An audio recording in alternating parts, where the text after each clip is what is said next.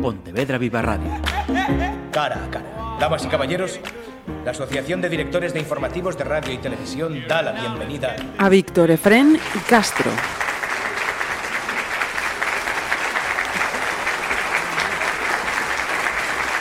Hola, ¿qué tal? Mm, nos hemos traído a Pontevedra Viva Radio a un jovenzuelo. qué optimismo, qué, maravilla, sí, ¿eh? Genial. Lo es, lo es, es un jovenzuelo. Lo, fuimos más. Al que, al que conocí todavía más jovenzuelo. No hace tanto, pero más jovenzuelo, sí. ¿Cuántos años hará más o menos? Siete. Aproximadamente, sí. Siete, ocho. Siete, ocho. Dos telediarios. Dos telediarios. Ah. Don Víctor Efren Castro Cereijo, bienvenido. Muchas gracias. Lo hemos invitado eh, porque fue él quien se acordó de nosotros, con lo cual es de agradecer, y dijo, oye, em, que tengo un libro editado. Y diréis, hombre, pues mira, está bien que los pontevedreses editen libros. Pero es que tiene una particularidad, además, este hombre, que lo hace más interesante, esta charla. Y es que es un hombre del ámbito deportivo. Un hombre del ámbito deportivo que de repente nos dice, he publicado un libro de poesía. Así, rizando el rizo. Así.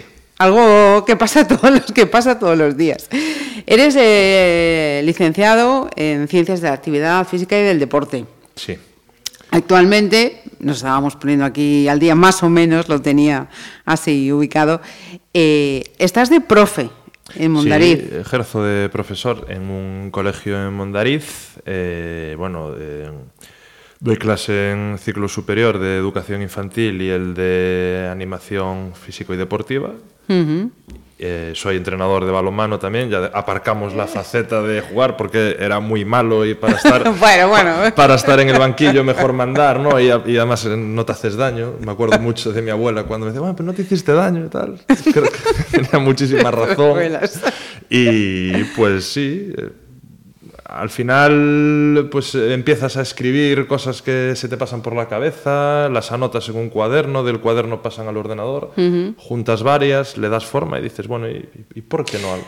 Porque entonces, vamos a ver, vamos por partes. Un hombre, vamos a decir que del deporte de toda la vida. Sí que lo de escribir, que se te ha llegado en un momento determinado, o tú siempre tenías ahí esa venilla que, yo nunca había conocido, por eh, sí, siempre me gustaba escribir. O sea, mm, de un tiempo a esta parte quizás sí que le he dedicado más tiempo y más horas, pero sí que es cierto que de vez en cuando pues me apetecía escribir algo, en una libreta, yo qué sé, cualquier cosa, todos los hemos hecho, una especie de diario que no tiene por qué ser cosas que te han pasado, sino cosas que... Que necesitas sacar fuera. O, incluso, bueno, de esto te reirás, ¿no? Pero en, clase, en bachillerato, la ESO, bueno, que andamos todos un poco despistados y tenemos muchas horas de clase al día, pues con los compañeros de la libreta andábamos con eso del rap y escribíamos nuestras canciones ahí. Entonces, pues, yo qué sé, de alguna forma u otra, ¿no? Más...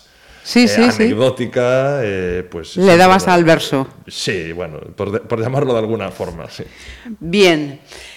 Eh, entonces, ¿cuándo esas anotaciones, esas mm, cosas que te iban pasando por la cabeza, esa necesidad de llevar al papel lo que mm, hervía por tu cabeza, dices, Víctor, esto tiene que ser un libro?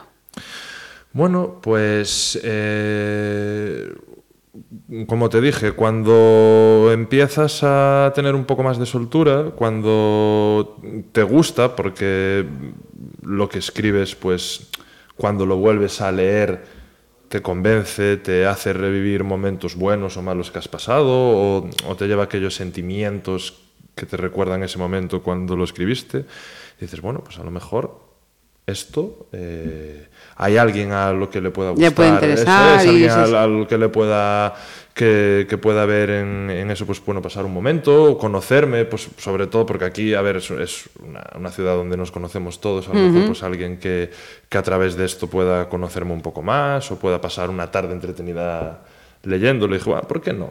Entonces, pues ahí nos aventuramos. vamos a deciros cómo se llama la criatura. La criatura se llama Cuaderno de Bitácora, itinerario de un intranauta desorientado. Sí, bueno, desorientado soy yo un poco despistado, ya tú me conoces un poco, un poco trapalleiro, ¿no? En, en, en argot de aquí, sí, y despistado bastante. Sí. Ajá. ¿Y lo de intranauta? Pues porque al final es como eh, un paseo por, por dentro de Por mí. dentro, Entonces, intranauta es como... A tu interior. palabras, eso es. De hecho, eh, en la contraportada os voy, a, os voy a leer. Está ese título, Cuaderno de Bitácora, Itinerario de un intranauta desorientado. Está su nombre, Víctor Efraín Castro. El arte de navegar. Navegar dentro de uno mismo es un viaje difícil, arduo y apasionante. Te lo compro. Lo, lo de apasionante habrá casos de más, pero te lo compro. Es necesario el autoconocimiento para poder reaccionar y no naufragar en un mar de dudas y preguntas. De esta forma se puede sacar provecho del viento a favor y avanzar, de aguantar el temporal sin hundirse en las profundidades de las malas rachas, de mantenerse a flote en el amor a pesar del oleaje y de navegar siempre guiado por tu propio norte. Agarra bien el timón. Hay más, luego, sigo. Pero fíjate que a mí esto me huele a aprendizaje también de vuestra faceta deportiva. Que esto os lo enseña lo que, los que os dedicáis al ámbito deportivo. Sí, eh, al final es un poco como todo en la vida. O sea, porque cuando hablamos de deporte, eh, el, el deporte, y esto lo tengo que decir, me tienes que permitirlo, eh, Por favor. Muy, muy mal, o sea, muy mal. El concepto que tenemos del deporte es totalmente. Desvirtuado. Sí, porque el, el- el deporte tiene la importancia social que tiene, ni más ni menos. Simplemente es un transmisor de valores, un transmisor de disfrute para el 98% de la población y para aquel 2% que pueda dedicarse a eso genial, pero no sirve como vía de escape, ¿no? Pues es una forma de, de encontrarnos a nosotros mismos, de, de mantenernos sanos, de, de esos valores de esfuerzo, constancia, ser las personas que nosotros eh, queramos ser. Entonces, hay un concepto muy importante en el deporte que es la resiliencia, ¿Eh? que se puede aplicar pues, eh, a todo. O sea, si tú quieres progresar en el deporte, tienes que ser constante, tienes que disfrutar los buenos momentos porque ganar ganas muy poco y cuando ganas hay que vivirlo y estar siempre pues pensando en lo que tú estás haciendo bien y lo que estás mejorando ajeno del resultado. Y lamentablemente no es, no es así, pero bueno, es, es una lectura apropiada que haces y, y- y también en, en- la faceta bueno, pues, eh, de, de vivir, que es al final a lo, a lo que uno se tiene que dedicar en cuerpo y alma, y en este caso también la faceta docente. También, cierto, verdad, se me escapaba a mí. Sí. Se me escapaba a mí. Mira, y entonces eh, en ese viaje introspectivo que, que has hecho dentro de, de Víctor, eh, ¿has disfrutado del camino mucho? Mm, ¿Ha habido... Cuéntame. Unas veces he disfrutado y he aprendido, porque disfrutas aprende, y otras veces lo he pasado mal por pues, pues, motivos a lo mejor de salud, que, bueno, que no son muy graves, pero que todo el mundo tenemos algún achaquillo, y he aprendido todavía más de esos momentos. Entonces, al final, bueno, es como, como, como un camino, ¿no? Es el paralelismo que hacemos con el mar. A veces se pone todo fastidiado, bravo, y tienes que aguantar de la manera que sea, y luego cuando sopla a favor, pues avanza, y a veces pues te toca disfrutar. Es un viaje hacia, hacia el interior de uno mismo, nos dices, pero mm, en un viaje, uno puede hacer un viaje solo, perfectamente, pero cuando hace un viaje con más gente, suele resultar enriquecedor, para bien y, y para mal. Cuéntame en ese, en ese viaje cómo han sido las, las compañías. Bueno, pues eh, yo diría que casi todas han sido buenas. Eh, en ese aspecto yo me siento un, un afortunado eh, por la gente que, con la Que siempre he rodea. estado rodeado, de alguna forma o de otra. Eh, no hablo solo de amistad, todo el mundo habla bien de la amistad, todo el mundo habla bien del amor, todo el mundo habla bien de la familia, es normal, pero... Bueno, no siempre, ¿eh? Bueno, no siempre, no sé, bueno, sí, de, de- de todo aprendemos también, ¿no? Pero mm, eh, en todos los aspectos que he tenido, pues bueno, pues, siempre me he rodeado de, de gente que sabe estar, de gente que es comprensiva, de, de gente que te suma. Hay muchas formas de sumar, muchas formas de ayudar. incluso yo pienso que a veces no molestar es una forma De ayudar. de ayudar o, Sí, sí. y ¿Y, y qué te dijeron de cuaderno de bitácora? Porque supongo que ellos mm, darían las primeras opiniones, ¿o no? Bueno, pues sí, en, teoría eh, algo ya conocían, ¿sabes? Porque al final... eh, Te ven, que estás ahí, estás, eso no es. sé qué, y ellos me, si- siempre me... tanto mis amigos, mi familia, la gente que me quiere, eh, siempre me, me ha apoyado. Pero no porque esto pueda llegar a gustar o no, porque al final es una cosa muy subjetiva. Eh, simplemente por hacer aquello que te, Que haga te gusta, que te apetecía y que necesitabas. Eso es, por tus proyectos y, y adelante, porque es una cosa que te llena. Ajá. Una cosa que te llena y... Mira, voy a, voy a leer la segunda parte de la contra. A ver, voy a, quiero, quiero seguir, quiero en- engancharos. Con cuaderno de bitácora pretendo invitarte a echar un vistazo a mi interior, en la dirección y sentido que tú elijas. Caray, ¿eh? esto es muy atrevido, ¿eh? Es, es osado, es osado. Puedes empezar a leer por donde quieras y a lo mejor eres capaz de ver detalles que se escapan a mi propia comprensión. Te presento mi lado más humano. He amado, he sufrido, he gozado, he reído, he llorado. O sea, mm, te has abierto un canal, chaval. He vivido, he vivido. señor. Sí, ¿y, y todo lo, lo reflejas ahí, Víctor? A ver, no todo. Yo, eh, es lo que yo creo que reflejo a veces. Eh, pues, porque aquí hay, mm, hay varias temáticas, o sea, varias temáticas. Uno intenta darle un orden a las cosas, pero bueno, como ya empezamos diciendo, nunca fui muy ordenado.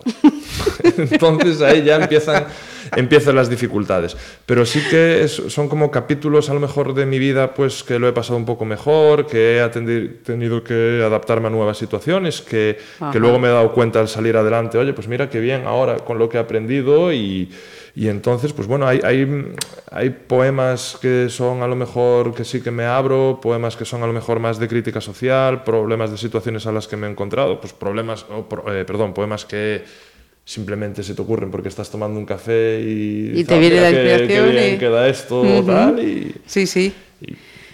Y no es porque estés pensando en algo en concreto a lo mejor, ni en nadie en concreto, simplemente es... eh, Porque llega el momento de Sí, inspiración es de lo echar que te eso evoca ese momento, exacto. Perfecto. Mira, vamos a la forma. Vamos. Eh, ¿Cómo has llegado a, a editarlo? Porque últimamente eh, pasan por aquí invitados que nos dicen que, que han optado por la autoedición. No, Sí. no, no ha sido tu caso. No, no ha sido mi caso. La verdad que yo he tenido eh, mucha suerte. Eh, yo he estado buscando la forma de editarlo, eh, pensé también en la autopublicación y hoy en día eh, hay bastantes herramientas para hacerlo. ¿Qué pasa? Que eh, los acabados o maquetar no es tan fácil.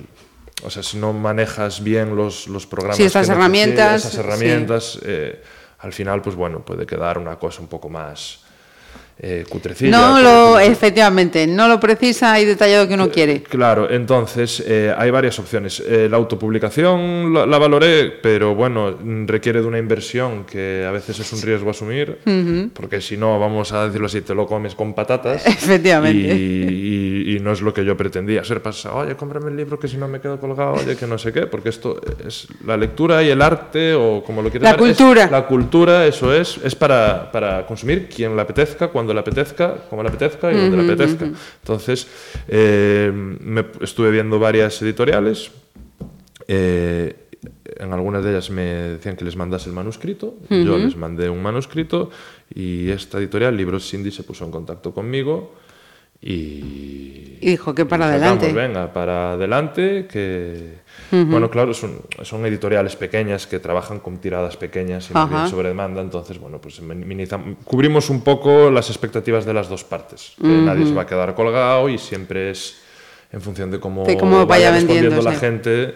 Bien, pues vamos al momento promoción. Vamos Eh, eh, ¿cómo, ¿Cómo lo estás haciendo? ¿Va a haber presentaciones? ¿Dónde se puede comprar? Eh, a ver, se puede comprar en la página web de Libros Indie. Estará ahora dentro de una semana, 10 días en Amazon Casa del Libro en las plataformas virtuales. o sea que estamos hablando que para la... aproximadamente. Para finales de mes. Sí, finales de mes, abril, pues, un margen prudente sería después de Semana Santa. Ajá.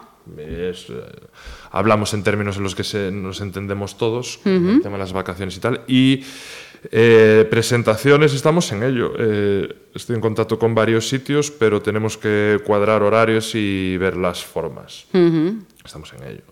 Pontevedra, eh, Mondariz, vas a hacer presentaciones ahí entre Sí, los sí, chicos sí, a los que das clase. Oye, profe presenta sí, sí, libro. claro. Eh, A ver, tampoco les quiero meter mucha presión porque si no, ya, eh, estos enseguida trafican con notas. Y aprobado, ¿sabes? Sí, sí, yo te lo compro, pero. ¿Sí? Ah, No, es broma. No, hombre, no. Vamos, te digo que me lo creo, ¿eh? Si me dices tal, además es, que yo... Es broma y aquí me las trago todas. de las comillas. ¿no?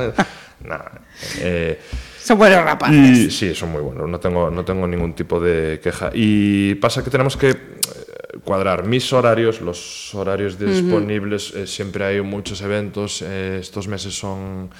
Venimos de Navidad y estamos eh, eh, en fechas donde también hay otras promociones que quieren salir y al final el tiempo y el espacio son unos recursos finitos que tienen una duración determinada Sí. y entonces es- tenemos eh, que cuadrar. que- Pero sí que, sí que me gustaría hacer una presentación en Pontevedra, que es la ciudad donde yo vivo, o en algún sitio y, y poder presentarlo Pues bien.